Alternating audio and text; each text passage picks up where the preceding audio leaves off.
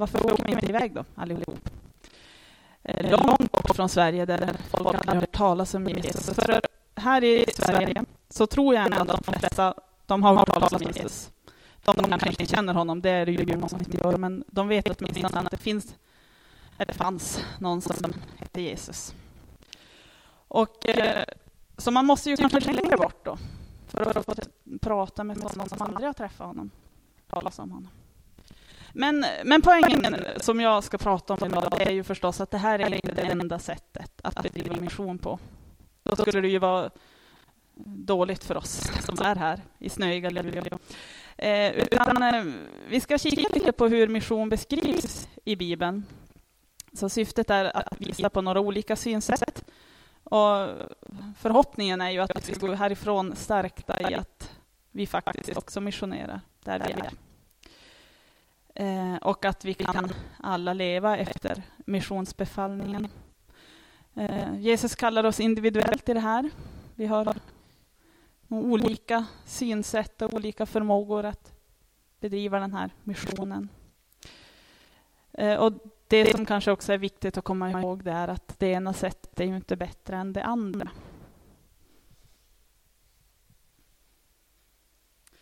Men om nu mission, om man börjar med den här tanken att det handlar om att resa ut. Om man nu kallas till mission på det sättet, då måste ju Gud börja med att lägga in någon slags längtan i oss om att resa. Gillar ni att resa?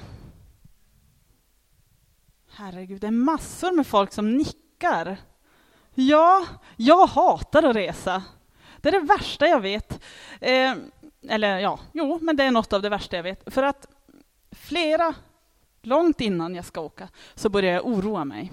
Jag är, jag är bäst på att oroa mig. Eh, ni vet att man missar flyget. Jag har aldrig hela mitt liv kommit för sent till något, så att det faktiskt skulle hända att jag missar ett flyg eh, av egen liksom, kraft, det, den risken är ju noll, men man kan ju ändå råka missa flyget. Eh, ska man utomlands så är det den utländska valutan räknar jag ganska bra på, så att jag inte att någon lurar mig, men tänk om jag inte lyckas få sina pengar när jag kommer dit. Då får jag ingen mat, jag kommer att svälta ihjäl. Och packningen. Fattar hur mycket packning man behöver mellan fyra små barn. Det är usch, nej, nej. Eh, resa är inte riktigt för mig. Och om det dessutom följer någon slags dramatik involverad i den här resan, där det är ännu värre. Jag har inte gjort så många dramatiska resor i mitt liv. Eh, men en gång så var det faktiskt lite dramatiskt. Jag tänkte att jag skulle berätta om det. Det blev en liten inblick i vår första adoptionsresa. Eh, när vi hämtade alla så hade vi varit, vi skulle vara tio dagar i Addis Abeba i Etiopien. Och det var lite oroligt när vi åkte dit. Det var inte så att man avrådde sig resan, men ja, det hade varit bra i landet någon månad tidigare. Det var, det var oroligheter helt enkelt. Men, men, men vi reste i alla fall.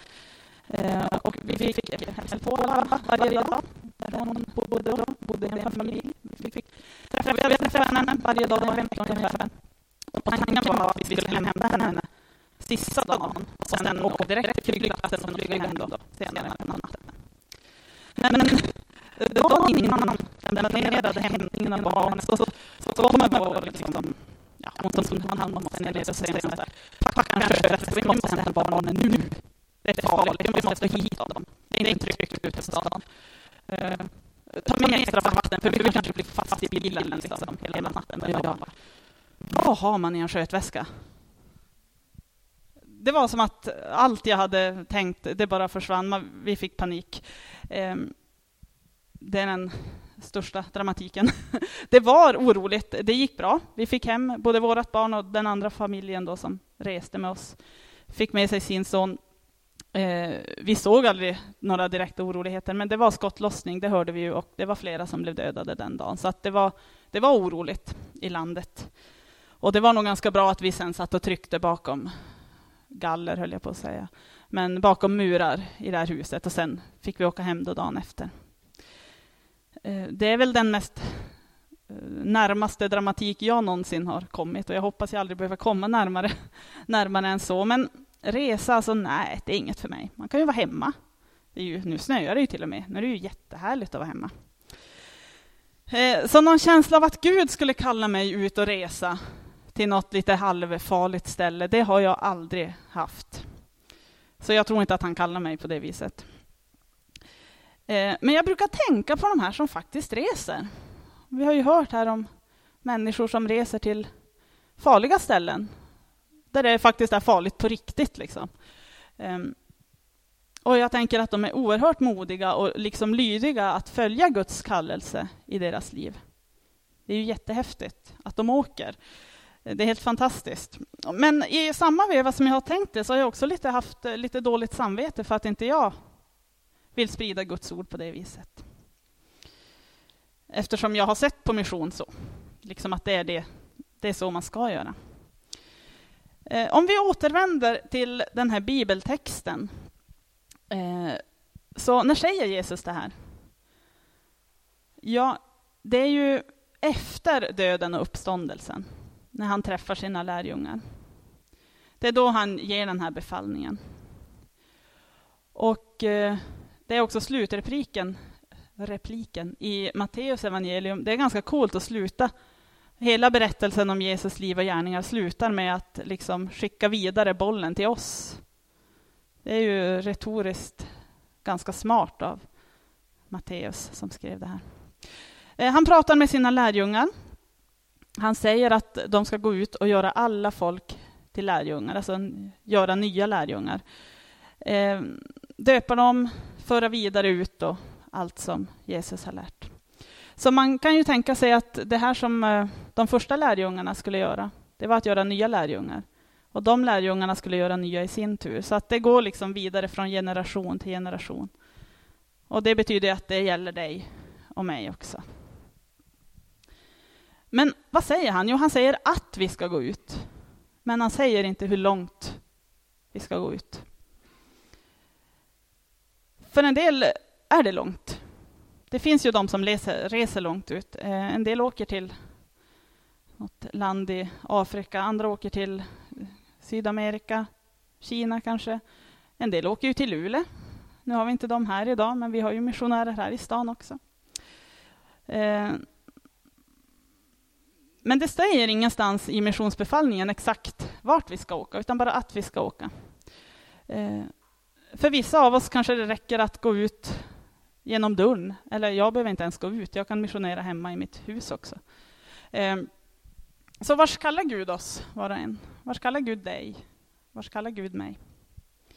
Man ska komma ihåg också att det här som Jesus säger här, att göra alla folk till lärjungar, det är någonting nytt. För att eh, före Jesu död, och liksom på gammaltestamentlig tid, och även Jesus själv, de gick inte ut till alla folk. De gick ut till det judiska folket.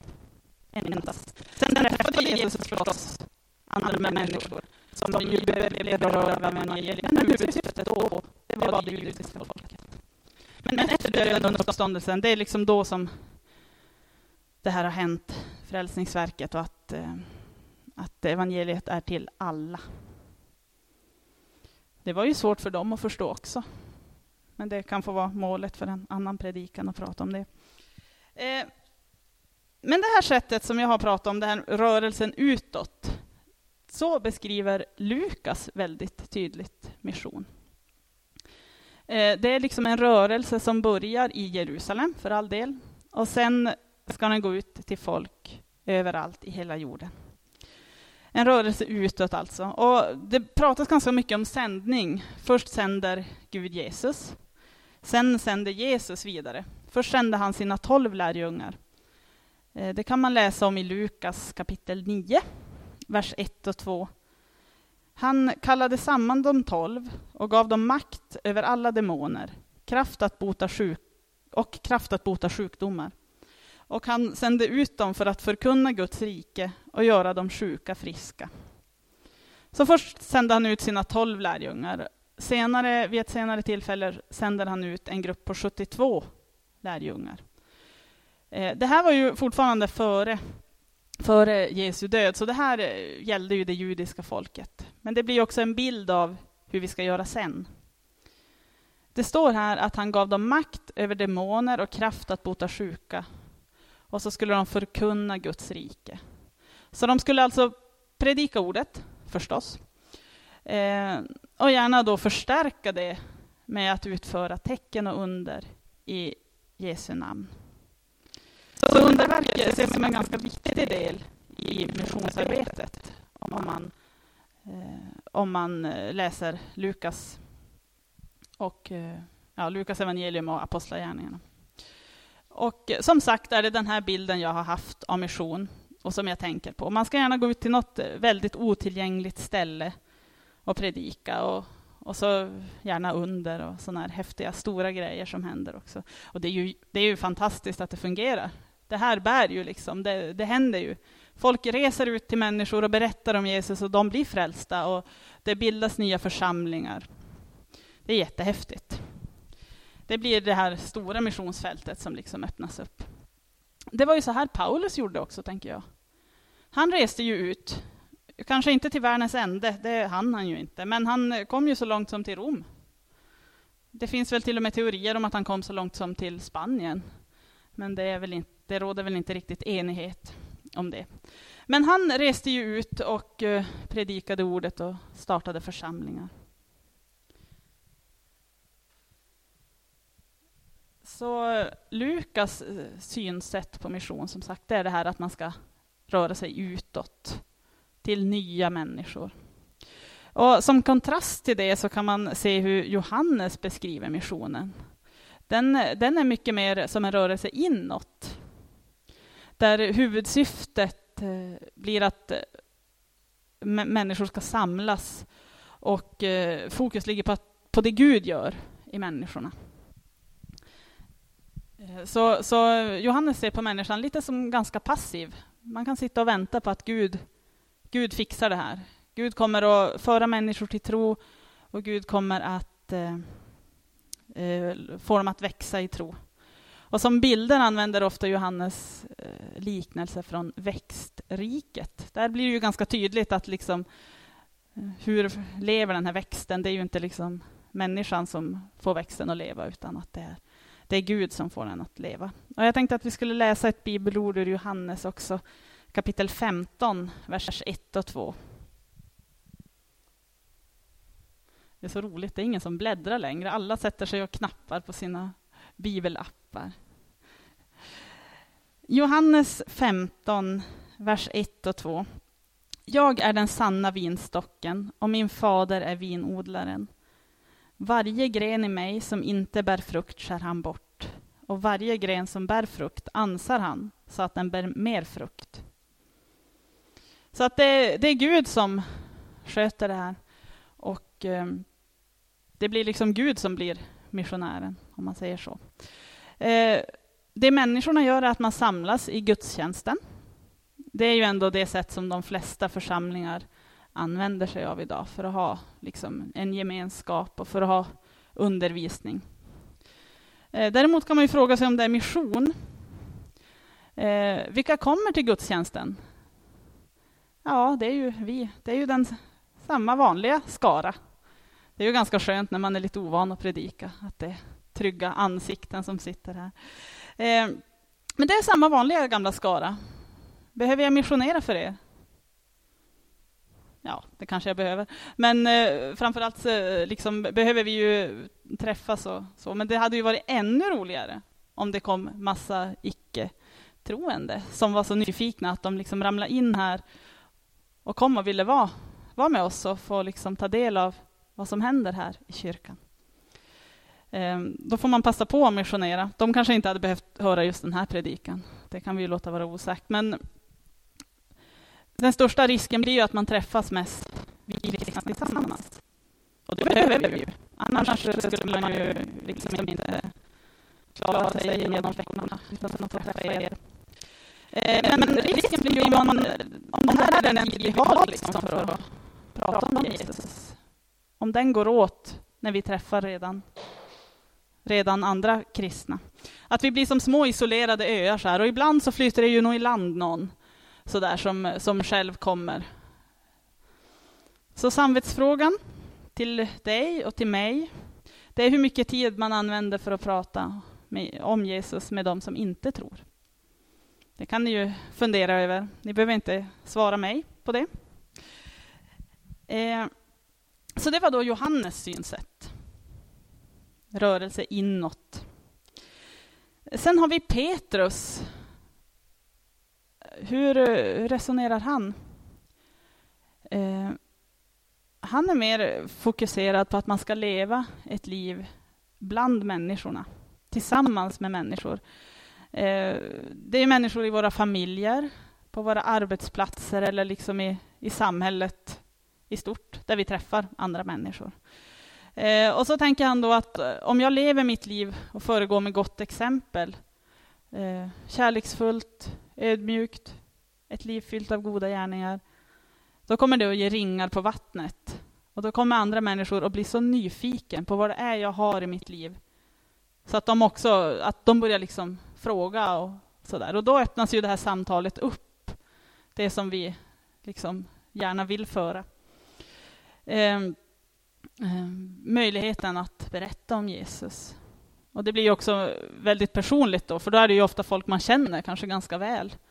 Det kanske är den där kollegan som sitter mitt emot en som man pratar med ganska många gånger om dagen. Tänk om man någon gång då och då fick säga något om Jesus också. Eh. Det sista bibelordet som jag ska läsa är från första Petrus brev 3. Det är så bra.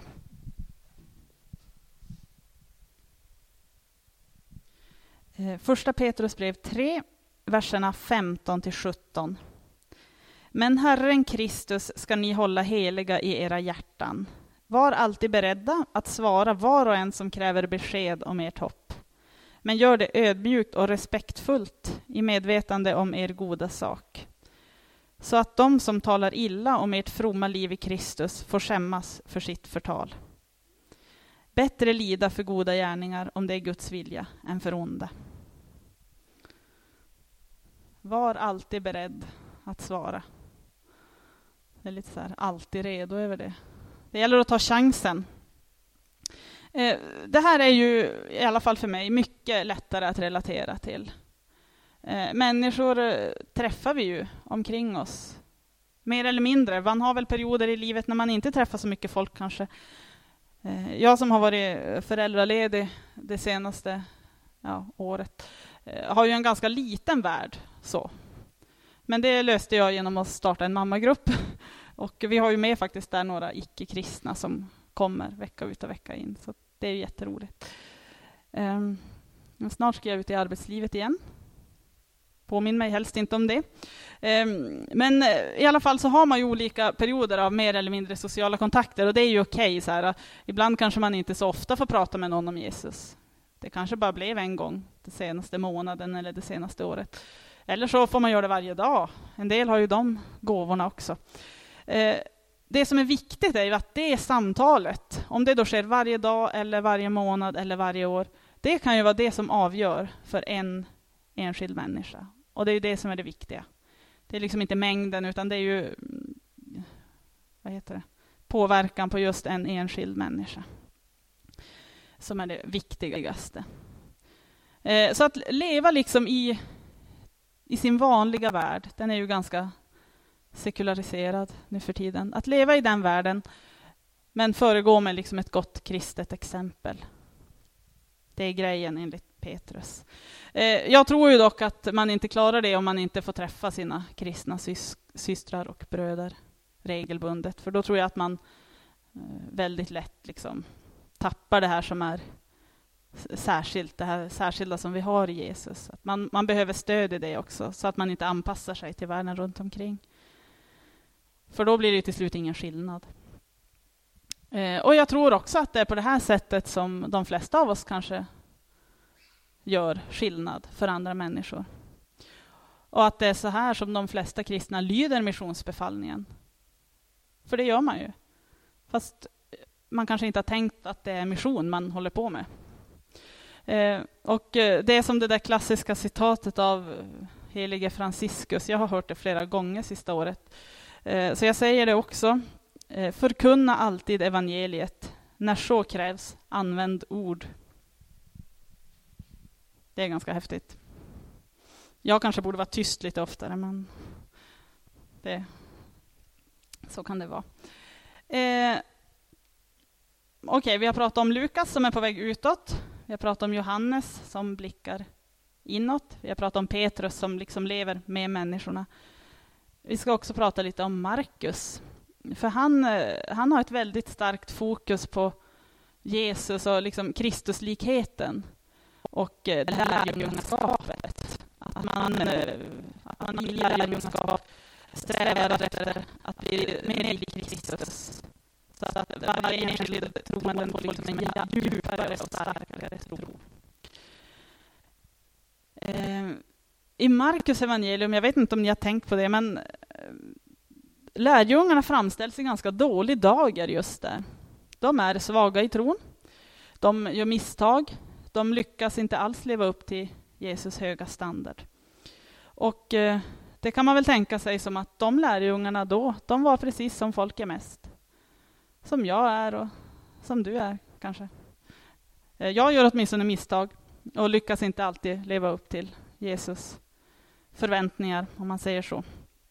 För det Jesus kräver, det är ju ganska radikalt. Så här. Man, ska, man ska vara andra människors tjänare, alltid. Man ska inte ha sig själv i fokus. Man ska följa i hans fotspår, förneka sig själv. Det är ju inte jättelätt alltså. Ehm, för Jesus vill att vi ska leva som han gjorde. Vi ska inte ha oss själva i fokus. Jesus hade inte sig själv i fokus någonsin. Jag tänkte på det, jag hörde någon prata om det här med, med Facebook och att samla likes.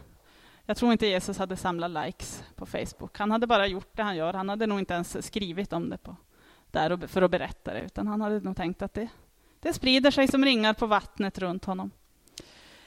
Eh, som Markus bildar församlingen, det är alltså väldigt eh, eh, baserad på att människor ska bli så lika honom som möjligt. Det är en bok om lärjungaskap som utövas två och två. Och när vi är svaga och misslyckade så fick lärjungarna både då och även nu så förlåtelse och man får fler chanser. Gör om, gör rätt. Eh, det var alltså fyra olika sätt. Lukas på väg utåt, nå nya människor. Johannes inåt, de redan troende ska fördjupa sin tro. Petrus, som fokuserar på vår närmaste omgivning. Och Markus, som fokuserar på den här, att bli mer lik Jesus och att bli det med hjälp av lärjungaskap i par. Nu är det ju lite intressant hur vi ser på mission, vi som sitter här inne. Ehm, jag slog upp Korskyrkans vision eller målsättning på hemsidan. Och då står det så här. För människor till Jesus och led dem in i en levande gemenskap med Gud och människor. Gör dem till lärjungar som ärar Gud och älskar sin nästa i ord och handling och därigenom utbreder Guds rike. Nu snackar vi mission. Eh, vi vill alltså sprida vidare Jesu budskap till människor, till de som inte känner honom förut. Eh, så på något sätt måste vi röra oss utåt och eh, som församling så bidrar vi ju till missionen som sträcker sig långt utanför Luleå så att säga. Vi ger bidrag till flera olika missionärer. Jag vet inte exakt hur många i dagsläget, men ett par olika. Eh, men vi bidrar ju också till missionen här i Luleå. Vi som är här, vi är ju här. Liksom. Så vi får föra människor som finns omkring oss in i liksom Jesu gemenskap. Och den här gemenskapen, då, ja, men då måste man ju få med sig människor till att våga komma och träffa oss. Man måste undervisa människor och det gör vi till exempel här på söndag förmiddagar, men vi gör det också i hemgrupperna som ju är, ja, men finns på olika platser under veckan. Jag tror att det är oerhört viktigt. Och om man ska göra människor till lärjungar så, så sker det nog verkligen bäst i de här mindre konstellationerna, i hemgruppen eller i eh, lärjungagrupper. För det är liksom då man kanske vågar ställa frågor. Jag minns när jag började gå i hemgrupp, jag tror aldrig att de har fått så mycket mer eller mindre förvirrade frågor. Eller vad säger du Monica? du som var med. Eh, då var jag nykristen och eh, jag hade väldigt mycket funderingar. Eh, och eh, de, ty, den typen av frågor ställer man ju inte så här. Liksom. Det är ju inte riktigt formen för det. Och jag tänker också att vilken tur att vi är olika, att vi tillsammans liksom kan uppfylla eh, den här visionen eller målsättningen som vår församling har. En del är liksom kallade till det här som jag gör nu, att undervisa i större grupper. Andra rör sig mer i, liksom, i sina omgivningar och har jättelätt att prata om, om Jesus med människor runt omkring sig. Eh, en del går ut på stan och pratar, andra bjuder vecka ut och vecka in hem människor i sitt, i sitt hem liksom för att ha, kunna ha de här hemgrupperna. Eh, en del ordnar mm, aktiviteter för barnen och, och pratar med barnen om Jesus. Så visst är det bra att vi är olika. Eh, sen så hjälper vi ju varandra också att fördjupa vår tro. Och eh, med hjälp av det så kan vi sen i våra helt vanliga liv, när vi går ut härifrån, vara missionärer. Här och nu i ett snöigt Luleå. Och det var kanske precis så Jesus menade för oss just nu. Amen.